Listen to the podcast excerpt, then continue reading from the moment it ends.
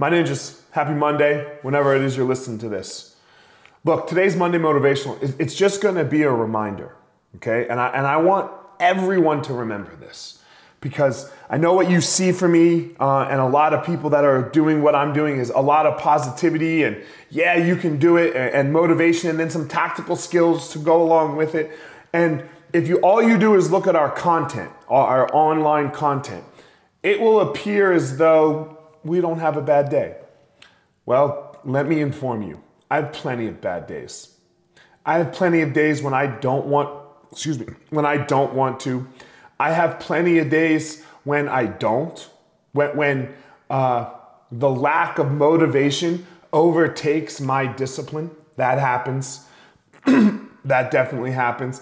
I have plenty of days when I try to be disciplined and everything I do is failing. All of this happens. And I don't care who you are. You watch Gary Vee, it happens to Gary Vee. You watch Eric Thomas, it happens to him. You listen to Jocko and Tim Ferriss, it happens to them too. I, I don't care who you're listening to in this space where they help you or provide motivation or, or uh, insight on your life. We, every single person that tries to do this has bad days, is unsuccessful, and fails. The key is how fast you get out of it.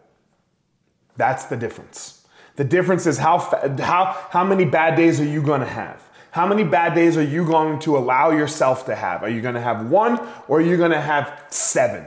Or are you going to have 14 or a month or a year? So, how many days are you going to allow yourself to be bad, quote unquote? Or how fast can you get yourself the fuck out of it?